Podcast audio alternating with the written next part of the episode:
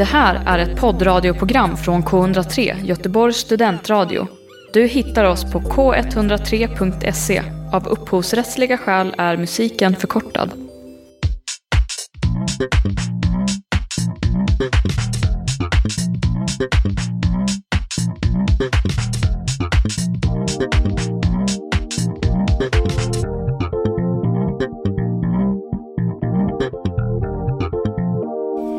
Och välkomna till ännu ett avsnitt med Bokkvartetten. Jag heter Lisa och med mig har jag som vanligt Nora. Alexandra. Och Maja. I dagens avsnitt kommer vi att diskutera boken Detaljerna som är skriven av Ia Genberg. Nora, vad handlar den här boken om?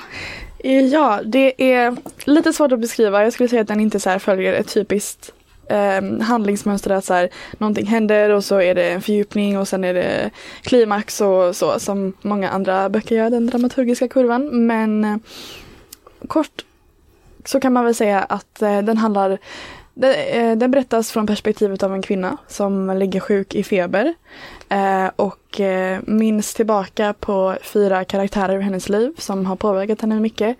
Eh, och eh, hon minns tillbaka på saker hon gjorde med dem och hur det var eh, att vara med dem. Och man kommer väldigt eh, det går väldigt djupgående in på relationerna med var och en av dessa fyra porträtt. Eh, ja, och författaren då, eh, Ia Genberg, hon vann ju Augustpriset 2022. Och det här är hennes eh, fjärde bok. Eh, den har blivit väldigt kritikerrosad. Eh, ja. Men eh, så det, det är den vi har läst. Det stämmer. Jag kan bekräfta. Jag kan bekräfta. Jag har inte läst någon av eh, hennes andra böcker, men frågan är då om det här språket som hon har i boken Detaljerna är även i hennes andra böcker. Ja, det är ju svårt att säga utan att ha läst de andra böckerna men eh, förhoppningsvis är det väl så för då hade man ju, eller i mitt fall i alla fall, så hade jag ju blivit lite intresserad av att läsa dem i alla fall.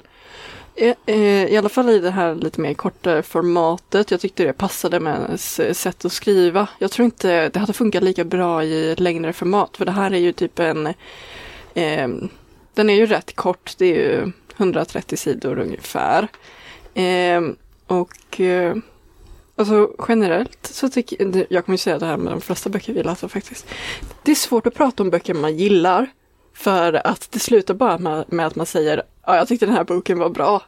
Eh, men språket var väldigt fint och det flöt på väldigt bra. Det pålade liksom med orden och det bara flöt som en pålande vårbäck. Eh, Fin metafor, Alexandra. jag snor den från eh, På minuten på P1. Han brukar säga så. Eh, och eh, ja, vi kommer att prata lite mer liksom generellt, generella grejer men eh, det var en fin bok. Jag vet inte vad mer man kan säga utan att spoila för mycket. Mm. Ja men den var ju väldigt Det är ju kanske språket som man eh, reagerar på mest egentligen. Hur, hur det känns att läsa boken. Det känns som att man bara eh, hoppar på ett tåg liksom som bara går och går och går. Man kan inte riktigt sluta någonstans. Utan det, det finns inga naturliga pauser. Man måste bara läsa boken och sen är den slut. Och då har det bara hänt massa saker. Och eh, allting är beskrivet väldigt ordagrant och ja, det är lite som att man inte har någon överblick när man läser utan man är verkligen inuti varje ögonblick eh, på något sätt. Mm, jag håller med. Jag tycker den är verkligen så, så fin. Och som Maja sa, det kommer väl bli, det är väl språket här som är mest framträdande. Nej, men framförallt att hon beskriver de karaktärerna och även personerna så, men så varsamt. Men det blir samtidigt väldigt kraftfullt med de här detaljerna. Det är väldigt fina ja, men personporträtt och ehm, skarpa iakttagelser. Och det gör en väldigt, ja men i alla fall de här karaktärerna och relationerna hon går in och ut ur. Eh, man minns dem väldigt tydligt.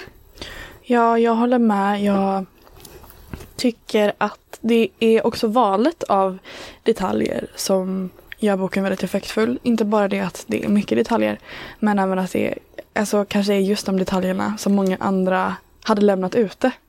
Som gör att det verkligen känns som att man är där på plats.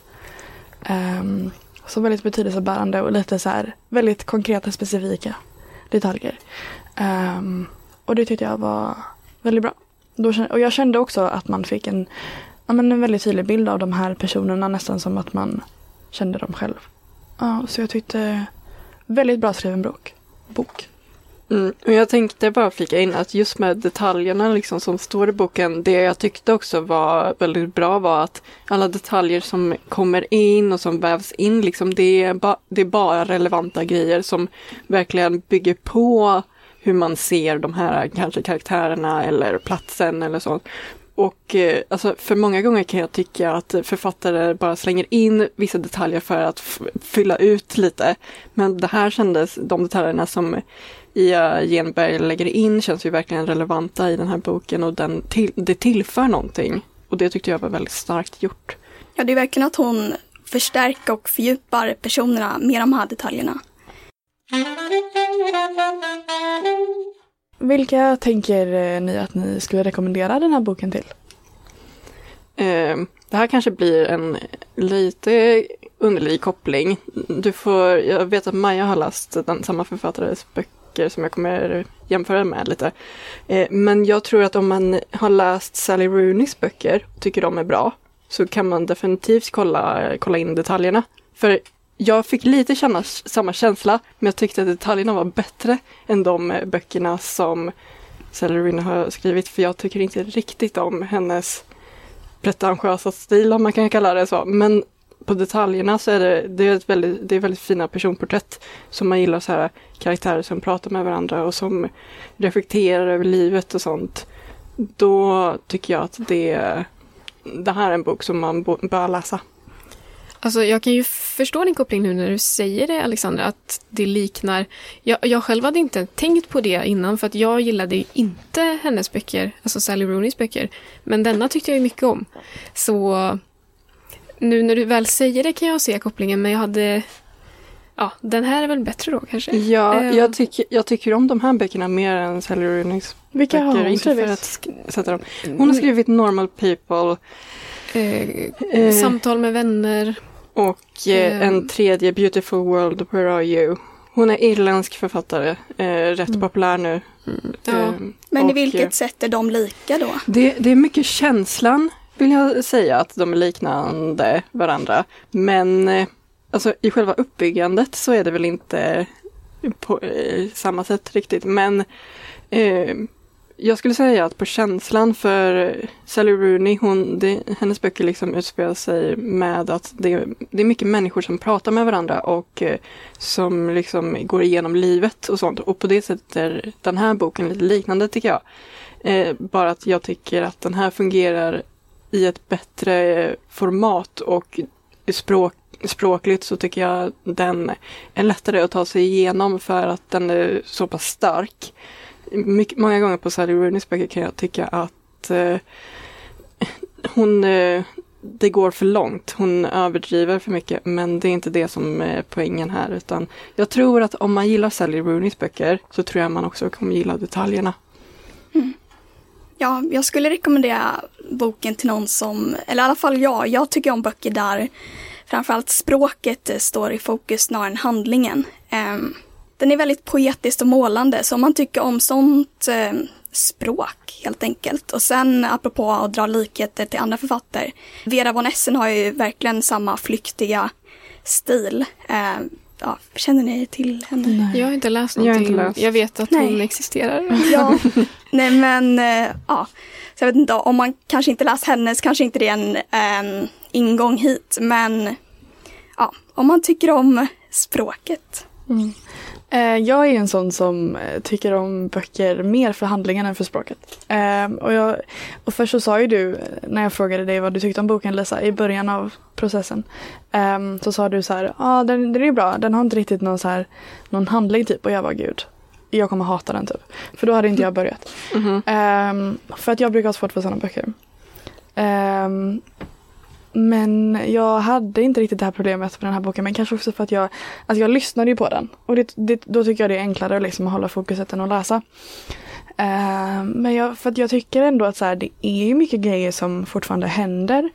Uh, och för det är, boken är uppdelad i fyra delar och varje del behandlar en ny person. Och det är ändå väldigt mycket som liksom hinner beskrivas, som hinner hända i varje respektive del liksom. Ehm, och även om de inte riktigt hänger ihop så på så sätt så blir handlingen lite så här flanerande typ. Så funkar det ändå på något sätt ändå eh, tillräckligt mycket för att hålla kvar min uppmärksamhet. Um, vilket kanske är en liten utmaning då för andra författare. hålla Noras uppmärksamhet. Om det inte händer så mycket. Men för att jag, för att jag tycker att så här, Mm. eh, det var ändå men också för att så här, jag blev väldigt fångad av eh, porträtten, alltså i sig, alltså karaktärerna och hur de var beskrivna. Så även om såklart jag har läst böcker som är mer händelserika och där handlingen är mer tydlig så funkade det ändå för att det var så pass captivating liksom med de människorna. Mm. Och jag, måste, jag måste verkligen säga att jag håller med i den, eh, i det, eh, den reflektionen. För jag är också lite liknande att om det inte finns någon riktig handling på det sättet då brukar jag tröttna rätt snabbt. Men i den här tycker jag ändå det funkar för att personporträtten och karaktärerna liksom eh, och språket är så pass starkt att det väger upp mot att det inte finns riktigt eh, någon handling. Det gör inte så mycket i den här. Jag tänker också att styrkan i boken är också att den är så pass kort. För att jag är inte säker på att man hade orkat med samma sak liksom 300-400 sidor av det här. Nej. Utan det, för det, det är ganska intensivt. Eh, och eh, Men, eller ja, man känner ju att den är verkligen en helhet som den är. Men den behöver ju inte vara... Eh, man kanske också, eftersom man vet att den är kort så kanske man har kvar sitt fokus för, att Ja, Ja, jag kände mig nöjd ja. efter jag hade Mm. liksom, efter sista tiden var det bara, då kände jag så här, det, jag är nöjd, det här var en bra bok, det här var en bra upplevelse. Ja, men lagom och rimligt antal personer att fördjupa sig i också. Ja, Mm. och eh, det tycker jag att väldigt många liksom, författare ibland misslyckas med, att de inte vet när de ska sluta, men den här var verkligen perfekt. Lite som med Klara och solen. Ja, där man hade kunnat sluta efter att Josie blev frisk där vid solen. Mm. Nej, men det jag tänkte på, vad, vad tänker ni om att man har ju fyra personporträtt. Um, och man kastas in och ut i dem. Tycker ni det är lagom mängd och utrymme man får åt varje relation? För jag har hört lite där om att framförallt om man skriver att eh, det kan bli lite rörigt att flytta fokus från en person till en annan. Jag tycker i det här fallet så, jag tycker faktiskt det funkar. För alltså, karaktärer blir liksom introducerade eh, lite allt eftersom. Och när det kommer specifika kapitel då är det ju fokus på den karaktären och så. Men det är ändå så pass, jag vet inte hundraprocentigt varför, men jag tycker ändå det funkar i det här fallet. Och också att eh, Ia Genberg, när hon har typ en ny karaktär, då sätter hon den i tidslinjen så man vet när hon träffade karaktären. Mm. Eh, när jaget träffade karaktären, för vi vet inte vad huvudpersonen heter. Eh, Mm. Och jag tycker ändå det funkar i den här kontexten. För det blir som en ny upplevelse. Eh, jag tror inte det hade funkat i en, så, i typ en, eh, en mer klassisk eh, kronologiskt berättad bok. Det har Mm. inte gått på det Ja, sättet. för hon har ju ändå samma perspektiv, det vill säga är det, från, det är skrivet från jagets perspektiv. Så på det sättet tror jag att det, hade fun- det funkar ju som det är. Men det jag menar är att om det hade varit typ så här, man byter perspektiv, he- eh, perspektiv hej och vilt, då hade det nog blivit rörigt. Ja, Mm.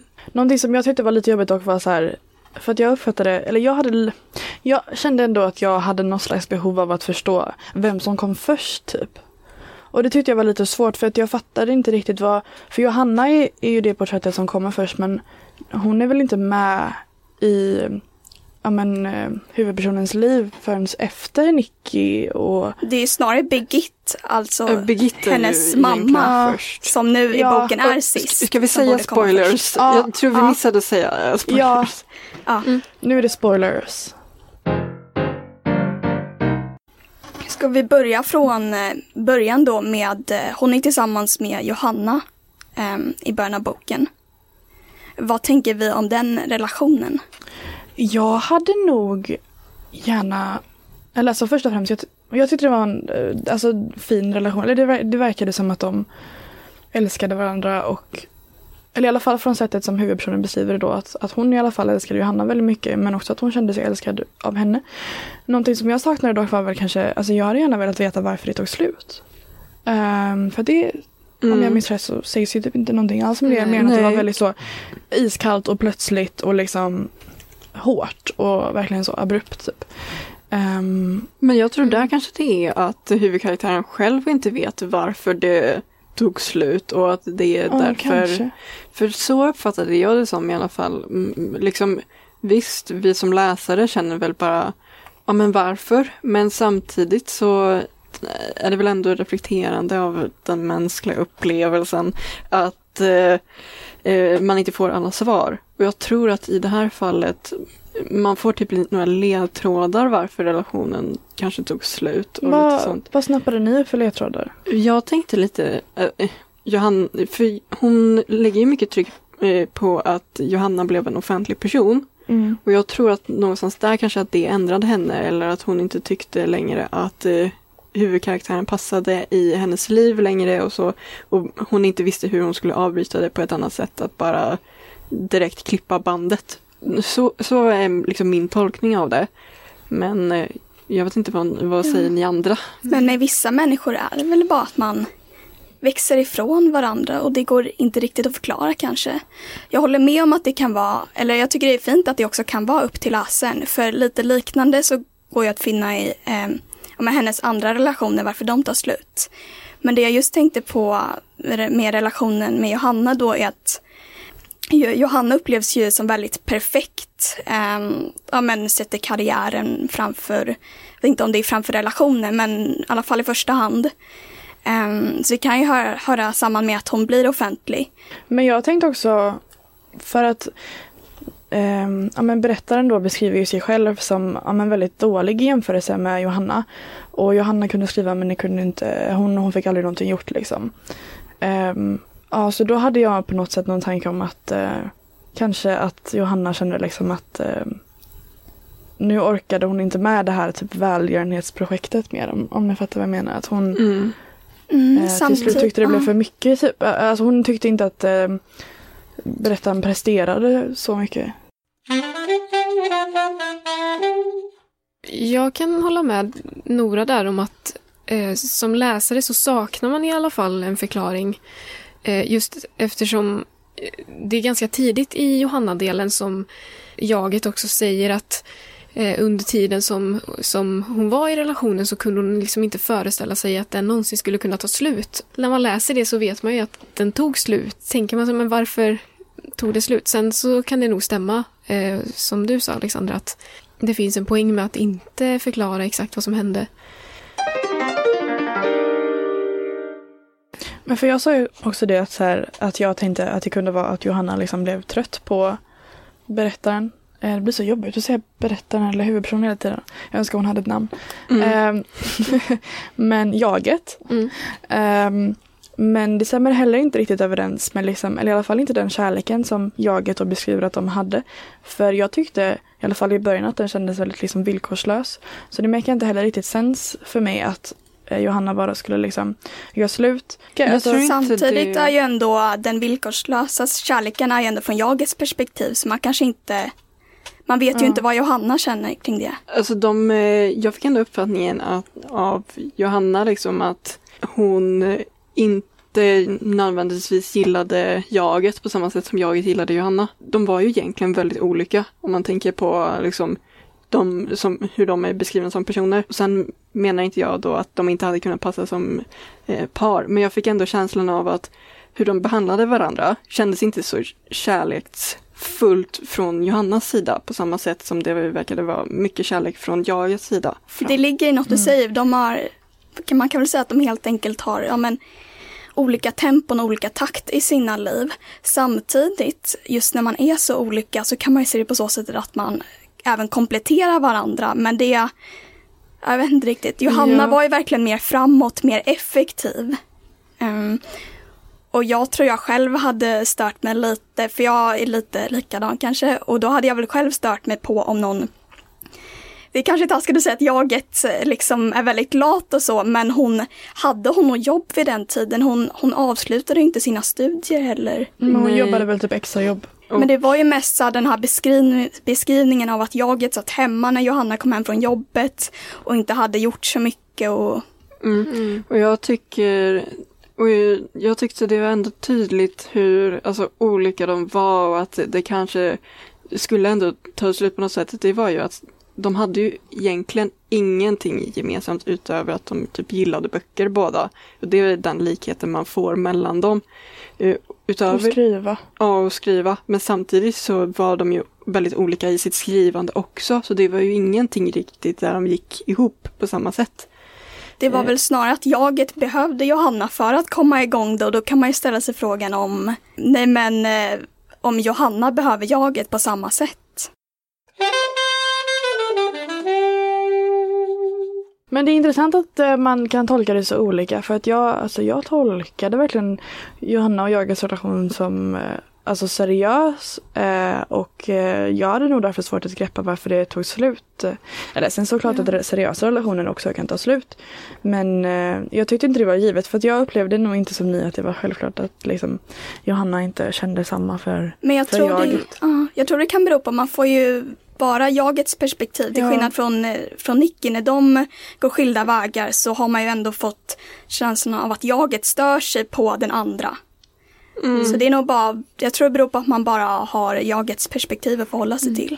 Jag tror nog att jag också tolkade deras kärlek som mer villkorslös som du gjorde Nora. För att det var någon gång där hon beskriver hur Johanna hela tiden uppmuntrar hennes skrivande. Och att hon sa, kom hem varje dag och så här, läste det lilla som hon hade skrivit och sa men gud vad bra och så här. Och att hon, att jaget då sa att eh, eh, jag tror att hon blandade ihop mitt skrivande, eller kvaliteten på mitt skrivande med eh, mina kyssar eller det var någonting sånt som det stod att det var som att hon eh, hon var så kär i jaget att hon då ser det här skrivande som, eller att hon känner att hon måste uppmuntra och säga att det är bra fast det är egentligen bara för att man inte kan vara objektiv mot någon som man är kär i då. Boken är uppbyggd på det här formatet att det är fyra personporträtt så Mm. ja, man måste gå vidare till nästa person eller också så här, hon har ju, det är säkert mycket mer som har hänt i den här relationen om det nu, jag vet inte om det är eh, biografiskt eller något. Men det handlar ju om också om att välja ut och så. Mm. Mm. Men jag tycker det beskrivs alltså, tydligare, eller jag förstod i alla fall tydligare varför de andra relationerna tog slut. Typ där med Nicky tyckte jag det var tydligt beskrivet det med uppbrottet i deras vänskap. Men just för att Johanna och jaget verkade ha liksom en så Alltså typ seriös relation så hade jag typ ändå velat ha någon slags mer alltså förklaring. Även om jag kanske kan förstå alltså typ stilgreppet. Men då, jag tycker inte att stilgreppet i så fall är sammanhängande med hur resten av boken är. Men jag kan, jag kan verkligen köpa det du säger för någonting jag tänkte på det är ju att jaget målar upp Johanna liksom som eh, Guds gåva till mänskligheten typ Mm. lite. Och hon har inga riktiga fel på samma Mm. sätt som alla andra karaktärer har. Och då blir, det bygger ju upp förväntningen att de ska bli någonting mer varaktigt. Hon är ju inte ens besviken eller sur på Johanna när uppbrottet sker.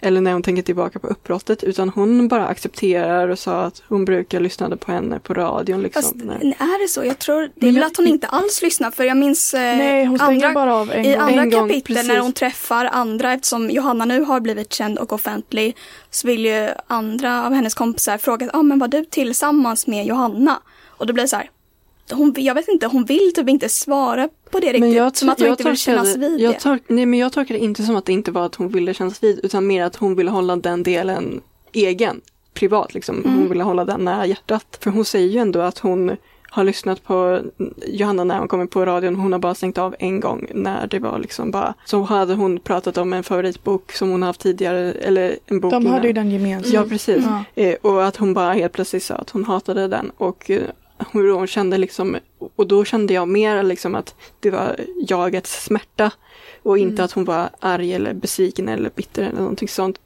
Jag tycker det är konstigt att om hon älskade Johanna så mycket och man inte får en förklaring på varför liksom uppbrottet skedde så är det lite konstigt hennes inställning till Johanna även efteråt. Mm. Eh, att hon inte ser liksom de negativa Menar att hon i efterhand ska se de negativa Ja, sidorna? eller att hon ändå reflekterar i att Johanna var mer än den bilden som hon målade upp det av. Eller att hon skulle ha Mm. blivit nå- någon slags typ besviken att relationen tog slut eller någonting sånt. Ja, För det tycker samma- nästan det känns sam- typ så här att hon tänker att Johanna var liksom the love of her life. Men hon Ja. var ledsen att hon Mm. inte fick Ja, tiden med kanske. henne. Samtidigt Men- köper jag ändå det att hon inte reflekterar över Johanna.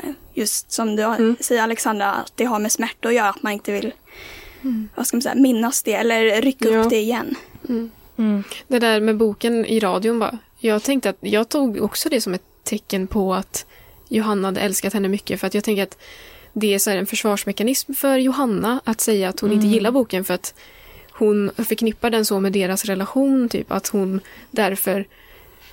Eller det här att man, man hellre kanske slår än att... Eh, man kanske hellre är den som slår slaget än den som tar emot det. Och så känner hon att hon kan liksom... ehm, om hon, bara, om hon, hon vet hur mycket det kommer såra. Jag tog det som ett tecken på att båda hade känt väldigt mycket Mm. för varandra i alla fall.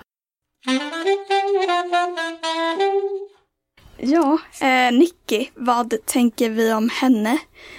Jag personligen störde mig ganska mycket på henne just för att hon var så ja, men, väldigt rörig och eh, ja, men, kaosartat i lägenheten hela tiden. Och hon bjöd in, hon verkar bjuda in personer som hon kände hela tiden. Så det var ju rörigt helt enkelt. Mm.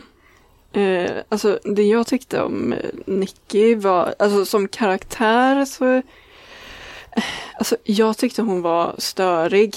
Eh, men det är väl bara att jag tycker att eh, det beteendet var störigt. Att eh, eh, vara vän med någon ena dagen och sen eh, eh, inte bete sig konsekvent liksom. Det tycker jag inte om.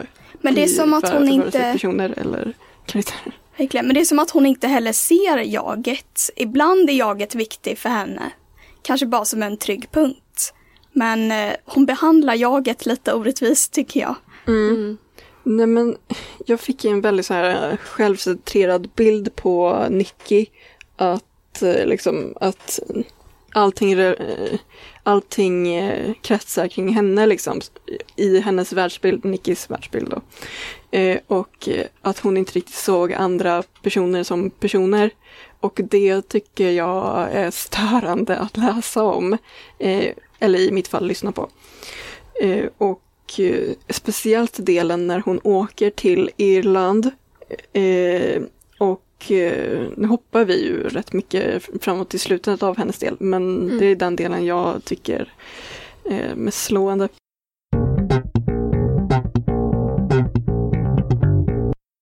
Nicky åker ju till Irland med den här killen som hon träffat som James tror jag han heter. Ja.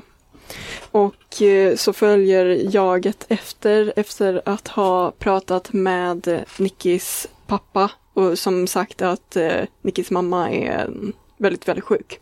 Och att eh, det vore bra om Nicky kom hem. Eh, och eh, jaget har ingen telefon eller något sätt, sätt att kontakta Nicky så hon åker till Irland och eh, letar reda på Nicky då har de ju eh, ett väldigt stort gräl så fort hon liksom tar upp att hon pratar med föräldrarna. Och eh, så får eh, veta, och så, då tar ju liksom deras vänskap slut där för att det är så tydligt för det är så Nicky bryter med människor att de har ett stort gräl och sen vill hon aldrig se dem igen. Sedan liksom väntar hon med att ringa den här pappan och säga att jag kan eh, jag försökte men hon, eh, hon vägrade. Och eh, så får hon reda på att Nicky åkte dit ändå. Och då ser jag inte poängen med att bete sig på det sättet som hon gjorde. Men eh, jag vet inte. Mm, Nej, jag, ja, eller jag tyckte också att det, det är... Alltså det är ett väldigt... eh, Eller hon, hennes beteende får ju verkligen människorna runt henne att liksom kännas, känna sig mindre än vad de är. För om hon blir så arg på någon, eller ja, jaget tog ju verkligen avstånd efter det och kände liksom att okej, jag ger henne det spacet som hon behövde i den här ilskan eller så. Och sen då när hon får reda på att dagen efter så är hon inte sur längre och har åkt. Då tänker man ju att en hel vänskap har liksom gått förlorad bara för hennes nyckfullhet. Att hon bara, ah, ja, jag åker hem ändå. Eller eh, just det som du sa Alexandra, att hon inte är konsekvent. Det tycker jag man skulle bli väldigt trött av att ha en sån person i sin närhet känner jag. Å andra sidan är jaget väldigt, jag tror nästan redan från första början är medveten om att den här relationen eller vänskapsrelationen som man har med Nicky förr eller senare kommer ta slut och att det kommer bero på Nickis beteende om man kan säga så. Mhm. Jag skulle bara säga att eh, jag tror inte att jag tolkar det som att eh, Nicky liksom slutade vara arg och bara, ja men jag kan väl åka hem då. Nej, jag Utan fattar också som... Jag tror att hon hade alltid fortsatt att vara superarg på jaget för att det kändes som att hon var väldigt långsint uppfattade jag det. Ja, det Ja. är sant i och för sig. Men att hon typ Ja. så här, alltså att hon åkte hem för att hon faktiskt inte kunde mäkta med att inte åka hem till Mm. sin döende mamma. Men hon ville inte erkänna det. Ja. Och hon ville heller inte liksom acceptera eh, att det kom från någon annan. Nej, Alltså att någon annan sa det till henne. nej men eller, det- egentligen, eller det är nog, stämmer nog som du säger, men jag menar med att jag tycker ändå inte det är okej beteende Nej, att, nej, att nej, göra så, utan inte. att Nej. då, om man då bestämmer sig för att åka hem, då borde man också, i- enligt min logik i alla fall, tänka att då kanske man också ska kontakta jaget igen och säga att jag har faktiskt tänkt på det du sa och li- liksom att det blir ju väldigt konstigt att göra så. Ja, i alla om- fall nå- någonstans bara be om ursäkt eller säga att om pappan pratar med henne, i, eh, om hon ringer liksom, säga att eh, eh, hon är ledsen, eller någonting. För nu får vi bara att hon är arg och tjurig och liksom, det är lite som typ ett barn. Eh, reaktion att eh, för jaget har ju inte gjort någonting. Jaget har ju gjort en väldigt god gärning med att hitta henne och liksom Ja. åka till Irland och eh, eh, jag och det är inte. snarare jag tycker- jaget som börjar må dåligt sen för, eller ja, för hon reflekterar lite så här, ja hon gjorde sitt yttersta och sen eh, hon vågar inte ringa pappan och säga att eh, Nicky kanske inte kommer. Och så Mm. är hon ändå där. Jag tyckte nog att det var ganska så här in character eh, för Nicky att inte säga förlåt till jaget. Ja. För jag tänker att hon var bara Hon var ganska sämst. Ja, Och det var liksom ja. Nej men det var ju liksom ingenting hon gjorde som var bra eller schysst mot någon egentligen. Ehm, så jag förväntade mig nog inte så mycket mer av nej, henne. jag håller med. Alltså jag, när liksom eh, när de bröt, eh, då tänkte jag, ä, även om jag rent tyckte då att Nicky var fel, eller alla personer, hon typ helt plötsligt bara bryter med för att någon hade rört en bok fel eller något. Eh, såklart, eh, alltså i Nickis, hur hon är uppbyggd som karaktär så hade hon ju aldrig bett om ursäkt. Men ändå kan jag ändå känna att jag hade velat få någon slags ändå, jag vet inte. Jag, jag tyckte den delen lämnade mig lite så här bara, okej, eh, ja, det här var bara om en sunkig person som eh, hon eh, levde med ett tag. Samtidigt så här, jag tycker nog inte riktigt synd om Nicky heller, men jag kan förstå att man kan göra det för att hon har väl ganska många ytliga vänskapsrelationer och sånt. För jag minns att hon bråkade också med James och flydde därifrån. Och då minns jag när jaget kom dit så var det ju nästan att James och eh, hans kompisar pratade lite skit om eh, Nicky. Och då blir det så här, ja men sättet att bygga relationer på tänker att eh, det var väldigt lite de sa om henne eh, i eh, relation till vad hon gjorde mot dem.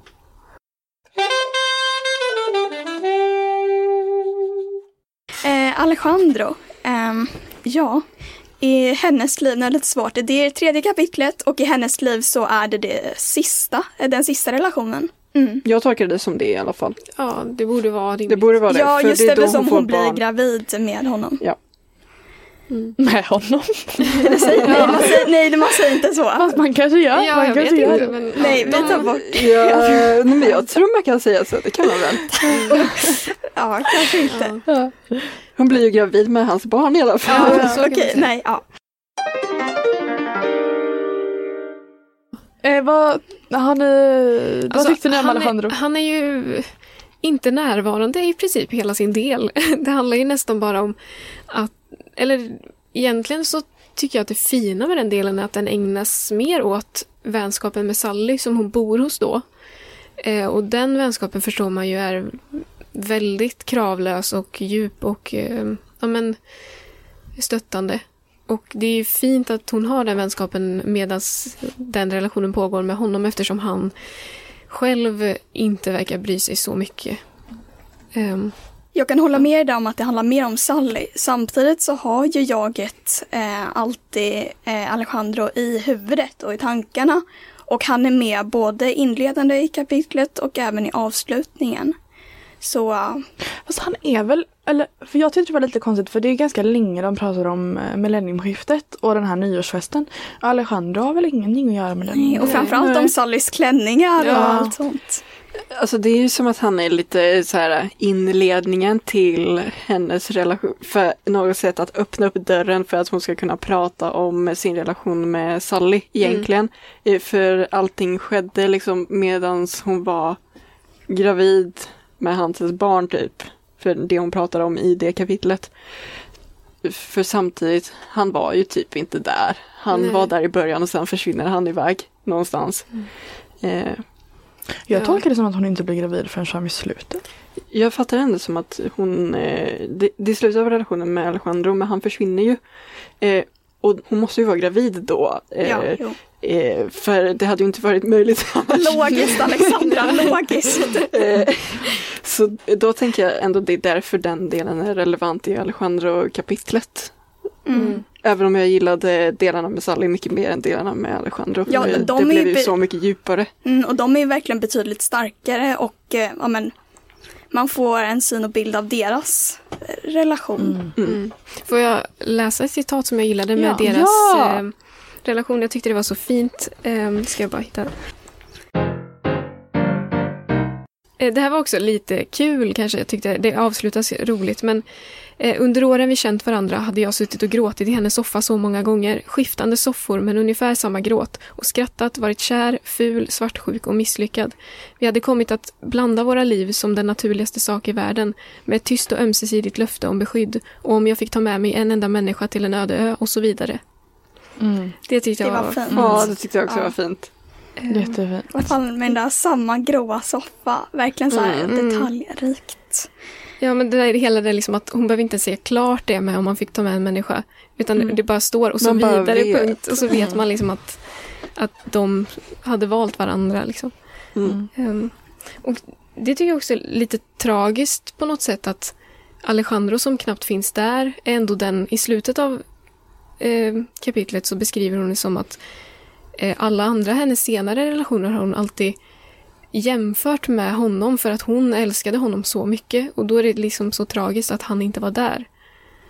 Ehm, eller Mm. det står någonting om att alla mina senare relationer har fått stå ut med att de har Bli blivit jämförda, jämförda ja. med honom. Liksom. Men tror ni verkligen hon älskade honom eller var hon bara så jätte så här, infatuated? Jo, det var väl så kanske. Men, Men hon att, kan, för, de, Alltså, var, jag- de var väl inte jag- ens så långvariga? Nej, jag hade typ tyckt det hade varit mer rimligt om alla hennes senare relationer blev jämförda med Johanna. För den var Ja. verkligen Mm. bara ändå tydligt att de Eh, nu motsäger jag mig själv liksom. Men det, det var ändå liksom, det var ändå tydligt en relation mellan två människor och att det var Och ge och ta där. Och under en tid Ja. och liksom att den växte och att det var en relation helt enkelt. Jag försöker säga det här på något sätt. Eh, men medan delen med Alejandro det är bara att han är där och sen är han inte där. Ja, för är det, de, de träffas ju på någon krog där han spelar med sitt band. Träffas de någon annanstans? Alltså förmodligen kanske, men eh, det visas ju, alltså vi får Eller inte de är ju hemma det. hos honom. Fast vi får inte ta det, bara där i slutet när de säger hallå till varandra. Men samtidigt så det kanske är väl ett, också ett spår av att hon är kanske inte den mest pålitliga berättaren, att hon ändå håller saker hemligt för läsaren som hon inte vill dela med sig av på det sättet. Eh, men sen kan jag som läsare tycka att eh, nej, nu ge oss allt. Eh, För jag känner mig inte övertygad att den relationen betydde så pass mycket Nej. som eh, hon i slutet påstår att den gjorde. Och då hade jag ändå velat få åtminstone en scen mm, riktigt när de verkligen eh, var tillsammans på någon annan ställe utöver att hon satt och trånade efter honom när han spelade i bandet. Mm. Ska vi röra oss vidare? Vi gå Vi Eh, går vidare. Birgitte. Birgitte. Birgitte eller Birgitte hur man nu väljer Jag tänker det Birgitte, Birgitte. eftersom hon var norsk. Ja, och Ah. jag tänker eftersom att Katarina Ekelöf som läste Ja. in ljudboken sa Birgitte. Så. Okej, Jaha. då. Birgitte. då har Katarina Eklöf rätt. Birgitte är ju då jagets mamma, vilket jag inte tänkte eh, till en början. För eh, samtidigt vet jag inte om det var, jo men jag tänkte väl att det var en ny relation hon inledde. Alltså en kärleksrelation? typ. Ja, en kärleksrelation. Samt, eller kanske en vänskapsrelation, jag vet inte riktigt. Jag tror inte jag heller ref- reflekterade över det så mycket. Men när förstod ni att Birgitte var jagets mamma? Alltså först när hon sa, Mm. citat, när hon födde mig. Ja, samma här. Ja. Jag är inte smartare än så. Alexandra, du fattade ju det innan. Nej, men jag, det var väl inte att jag riktigt fattade men jag, jag kopplade ändå som att det skulle vara någon slags familje, antingen dotter eller eh, mamma. Eller någon slags sån relation. För när hon beskriver Birgitte i början, då är inte jaget på plats utan det är bara allting i liksom tredje person. Och det är ju helt nytt från hur det har varit innan för då är det ändå allting genom jagets lens. Ja, Men i det här fallet är det ju bara liksom tredje personen och hur Birgitte och um, så massa sånt. Och det är inte ens när Birgitte berättar det här till jaget så jag tänkte att det måste ju vara liksom antingen att jaget inte var på plats och få reda på det efteråt eller något annat och då tänkte jag att det rimligaste är ju mamman för då var inte hon född. Eh, men jag fick ju det var ju bara någon slags lös idé jag hade och sen blev den bekräftad när det stod när, liksom, när hon födde mig. Mm. Eh, ja. fattade du det innan Lisa? Nej, det tror jag inte jag gjorde. Nej. Nej, eller tror, nej det gjorde jag inte. Som Maja sa, man är inte smartare än så. nej men jag tänkte väl, för i början beskrivs det mycket om men hur, hur Birgitte är och eh, hennes tid och hur hon är med i demonstrationer och sånt. Eller är det efter jaget har fötts? Eller Det är både. både, Det båda tror både jag. och tror jag. Men Det är jag tänkte typ innan- att det var en så här inledande scen eller eh, inledande beskrivningar till ja, eh, att jaget helt enkelt skulle sluta upp på något håll. Och det gör ju jaget förr eller senare. Eh, Eh, men vad tänker ni om att jaget, för hon beskriver det ju verkligen från eh, hennes tidiga första år. Vad tänker ni om beskriv, beskrivningen av att eh, hennes mamma, då alltså Birgitte och hennes far, tittar ner på henne i barnvagnen? För det här tror inte jag hon minns riktigt. Nej men är det inte typ bilder hon beskriver utifrån? Alltså någon har tagit kort som hon kollar tillbaka på. Jag tycker det är väldigt, väldigt snyggt att Ja. hon har gjort det på det sättet. Men just där och då så fick det verkligen mig att fundera på att ja, det där minns du Nej. nog inte. Men jag minns tänker man. nog lite att hon, hon säkert föreställer sig hur det, hon, hon känner ju ändå sin mamma för att hon har växt upp med mamman och så tänker hon att ja, då kan hon säkert föreställa sig att så här var, kände hon och var i den här situationen med mig när jag var liten. Att, att hon kanske känner ändå mamman så pass bra för att kunna liksom eh, föreställa sig hur det var. Tänk också sätt. kanske hon hade få, fått mycket berättat från sin pappa. För Birgitte berättade ju efter många år för eh, jagets pappa, alltså hennes man, att eh, hon hade blivit våldtagen när hon var yngre och då, alltså hela historien. Så jag tänker att det är typ därifrån som eh, jaget ens fick reda på det. För jag tror inte Birgitte sa det till Mm, Nej, sin dotter själv. Jag tror det är väl en del när att jaget säger att pappan berättade det först efter hennes död. Liksom. Mm. Jag vet inte om man kan jämföra med, men hon var väldigt, för jag minns att eh, jaget i alla fall beskrivs så här, om, om det var något jag och min syster ville så vände vi oss till pappa. Ehm, för Birgitte var, hon var väl närvarande fysiskt men absolut inte psykiskt. Eller det var som att hon, hon var väldigt skör så man ville inte sabba det heller. Mm. Nej, men mycket om eh, Birgittes relation till andra handlar ju om att hon vill bli beskyddad liksom. Och det är ju något sätt eh, liksom hur det här traumat har påverkat henne. Att eh, hon känner att andra måste skydda henne annars kommer något sånt liksom hända igen i hennes psyke. Och det är ju extremt hemskt faktiskt. Jag Ja. känner mig väldigt berörd av det, Mm. hur hemskt det är. Ja, jag tyckte, nu har inte jag uppskrivit det citatet, men jag tyckte det var effektfullt för jag tror jaget beskriver typ så här, eh, ja men många säger ju så här, det som inte dödar dig gör det starkare. Mm. Eh, men de har inte träffat en våldtäktsman typ, eller så här, Ett våldtäktsoffer. ja de har inte varit ett våldtäktsoffer. Och jag tycker även eh, Birgittes, vad ska man säga, nej, men hennes egenskap av att söka av eh, hennes omgivning och närhet ehm, ja, men är väldigt påtaglig. För jag tror, jag har inte heller det citatet uppskrivet, men att hon verkligen vill anpassa sig så pass mycket så att hon blir utan personlighet. Mm. I alla fall de här grupperna hon rör sig mellan. Vilket jag tycker också är väldigt sorgligt. Mm. Mm. För ve- vem blir man då?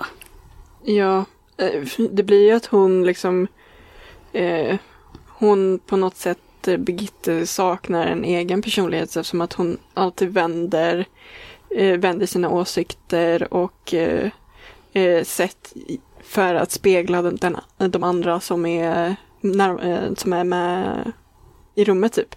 På det sättet. Eh, för att hon är rädd typ. Förstår jag det som. Ja, det känns verkligen som att oron liksom tog över hennes liv Mm. helt och hållet. Eh, och att alltså, det är nästan lite så här, inte gick till spillo är hemskt att säga med en människas liv, men det känns som att det hade kunnat vara så mycket bättre för henne om detta inte hände i hennes barndom. Mm. Eh, så det känns väldigt tragiskt att det blev så för henne. Liksom. Ja, jag tycker det är väldigt synd. Samtidigt tycker jag verkligen att Ian Jenberg har lyckats gestalta den här oron och man. Och det är väl därför det också blir så pass påtagligt. Mm. Mm. Ja, det är väldigt eh, kärleksfullt. Även om hon beskriver Birgittes brister så är det väldigt kärleksfullt gjort ändå. Ja, och det är som att texten och raderna känns nästan så här darriga och osäkra på något sätt. Mm. Och samtidigt tycker jag det är lite fint för alltså de, några av Birgittes brister i, i tidigare kapitel har hon ju även reflekterat om i sig själv. Till exempel den här oroligheten i, i delen med Johanna. Så pratar hon liksom om hur hon alltid var så här eh, hade svårt att släppa grejer och att eh, det alltid kändes som att hon var orolig för saker. Och sen får man lite så här, nästan som en förklaring att det var så Birgitte var som person och att det säkert hör då eh, nästan gått i arv då eller speglat av sig på dottern då på något sätt.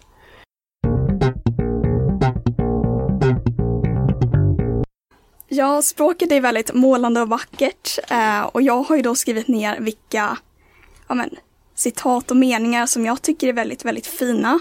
Och jag kan räkna om till 25 stycken. Jag kommer nog inte dra alla. Men jag har så många, jag kan inte välja. Okej, men jag bör... Ja. Eh, Okej, den här. Varje present var innesluten i ett nätverk av hänvisningar, blinkningar och underförstådd information.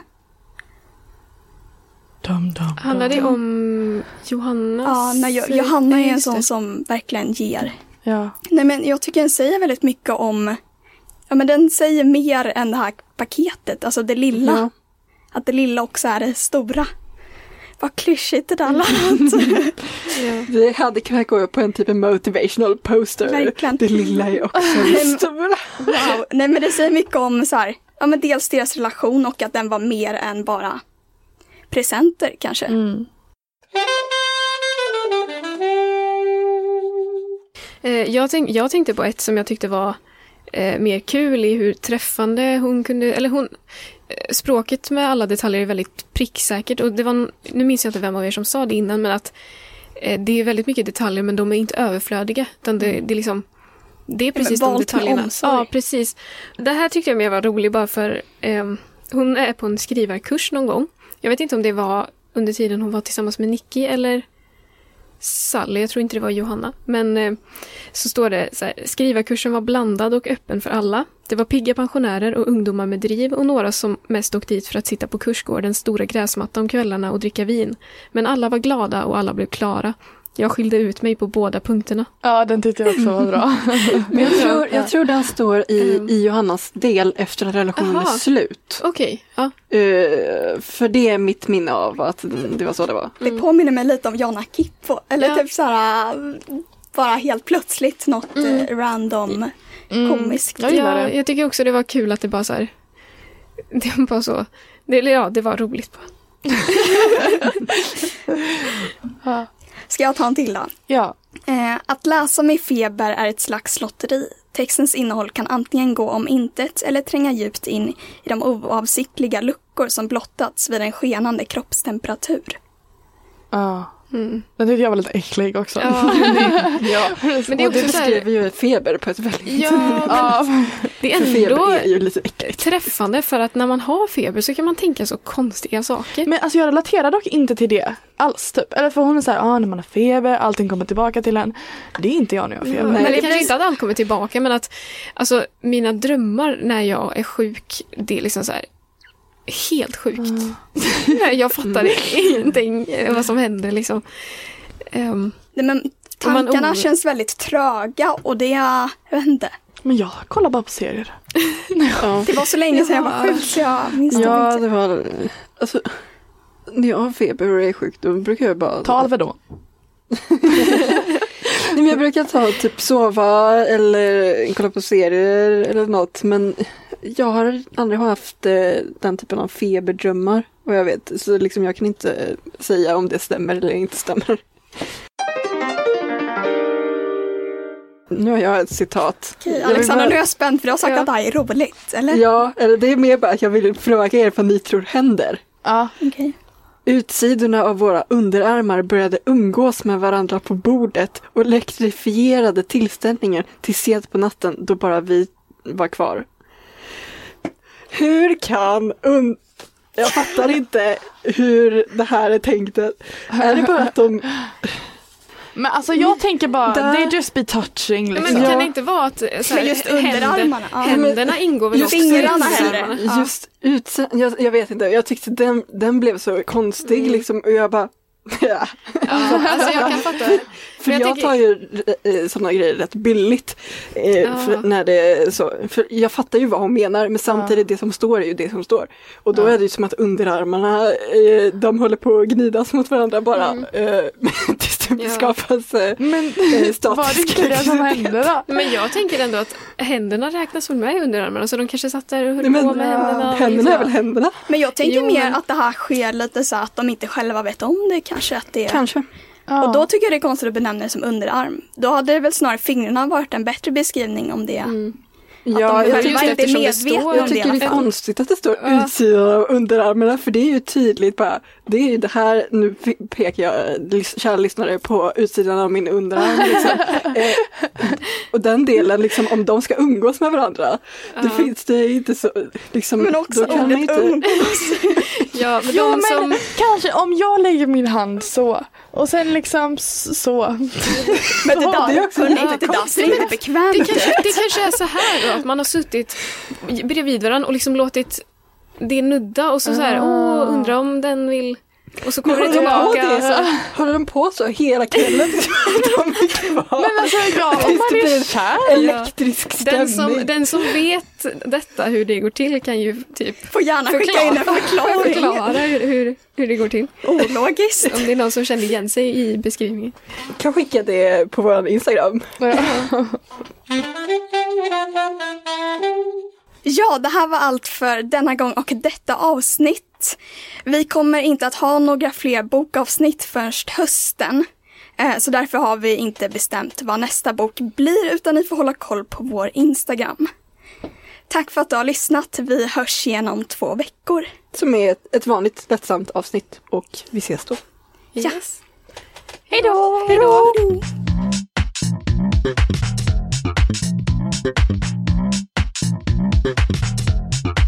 Personerna kommer och går, detaljerna består. Ja. Men för det var I love that, I love.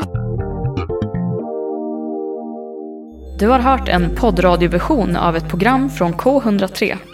Alla våra program hittar du på k103.se. Följ oss gärna på Facebook eller på Instagram. Vi hörs!